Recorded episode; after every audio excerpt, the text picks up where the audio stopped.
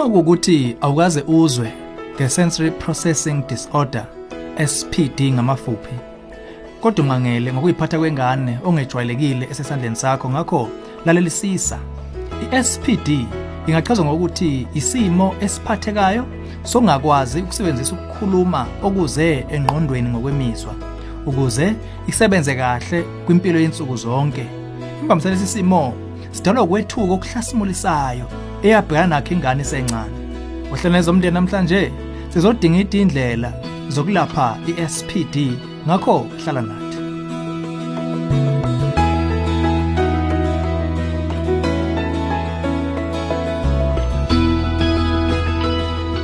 Angiphinde ngubingelele ezomndeni uhlelo lokulethela izeluleko eziphatheka ngabaka focus on the family. Sithole nanku umbuzo kumama obhekene neSPD insuku zasa uthe Luhlobo luni lwemithi ekhona kumbe lapho einganeni ezithole kanzima ngesensory processing disorder. Sinomfana oyifoster kithi onesemuva lakhe labe nokuhlukunyezwa okukhulu. Emva kokuba sesihlale phansi nabezempilo sithola ukuthi inkinga zakhe eziningi zilele kuyisemumva lakhe futhi zingalashwa ngokwemizwa yengqondo. Phambi kokuba sisho utho kuwe sithanda ukupha amazwi okuqinisa.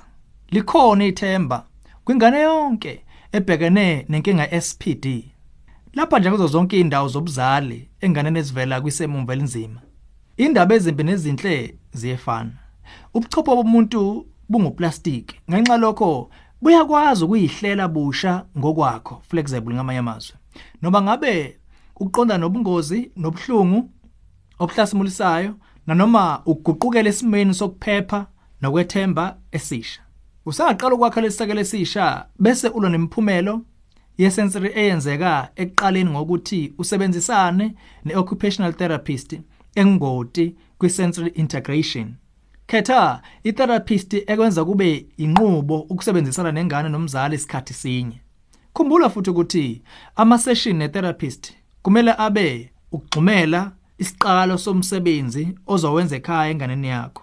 maphakathi ekuvasheleni iOT bambisana nengane yakho ngokuyisiza itolike ibeke ngamagama izimo zayo ngokweziga ezibekwe ngamagama azwakalayo makhe ukuzethemba ukumtshela ukuthi umuntu ozolayo kakhulu ubuka umhlaba ngendlela abantu abaningi abangeke bawubuka ngayo iba ngummeli wayo esikoleni ebandleni endaweni nakuyo yonke indawo okunabantu abangaqondi ngomuntu ozola kakhulu ngokwengqondo Ukulapheka kumele kuze kwizinhla zobuqu bomuntu zonkana ngamanye amagama kumele kuthatha ingane ngokwesikali sayo kuhlabele phambili ngendlela yokwakha kabusha umhlaba wokuphila kwayo ngaphakathi.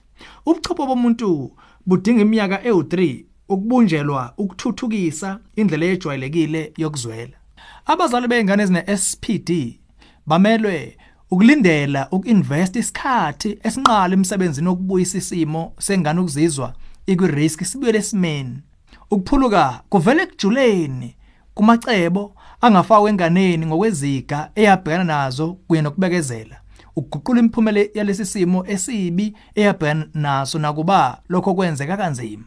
Nazi izinto wena kuyena occupational therapist eningathanda ukukubandakanya ohambeni lalesilapho okokuqala iminyakazo ekugcina uphapheme njengokudla okuqinile okudinga ukuququdwa ukubhava eshaweni ukugxuma kwi-trampoline.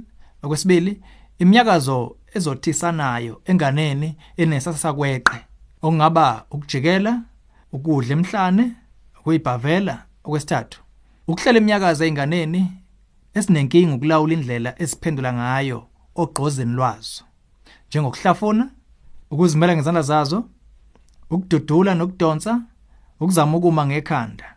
Okwesine iminyakazo engokuthuthukisa umuzwa wokuthinta.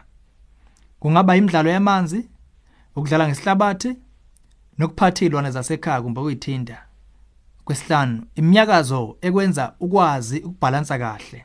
Ngaba ukurola ukuzwinga ukugijima nokunye. Okwesithupha iminyakazo eya kumunxa umuzwa ositshela ngokweposition yomzimba wethu okungaba ukuqukulo okusindayo ukududula nokudonsa nokunye. Isikhombisa iminyakazo eyakhumuzwa okubona okungaba ukwakha ama shape ama puzzle ama building blocks ukunquma izinto ngesikero njalo njalo.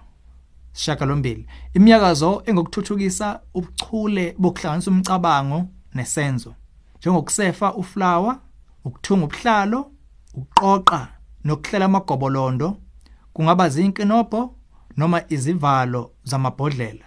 Sishaka lolunye imiyakazo ethuthukisa ukuhlela ngokubuchule bomcabango nesenzo. Okunjengokugxuma tafuleni ukuhamba njengezilwane kumbe sazilwane. Okweshumi okungokugcina imiyakazo lena ethuthukisa ukusebenzisa amacala onke omzimba sikhathi sinye futhi ube ungalahlekelwa ibalance. Njengokunqaka ibhola ukuxhuma ukubhukuda nokushova ibhayisikili Sicela nezisebenzi zethu eminyangweni wezokululeka uma usathanda ukusidingida lesi sihloko ngokuthe xaxa. Singaphinde futhi zikuphe uhla longoti abaseduze nawe. Shayela ku031 716 3300 kumbe ungene ku safamily.co.za bese licofo ku counseling link. Lolu hlelo ezomndeni ulethulelwe yifocus on the family sihlangabezwa hlelo luzayo sesihlabelisa phambili umndeni wakho.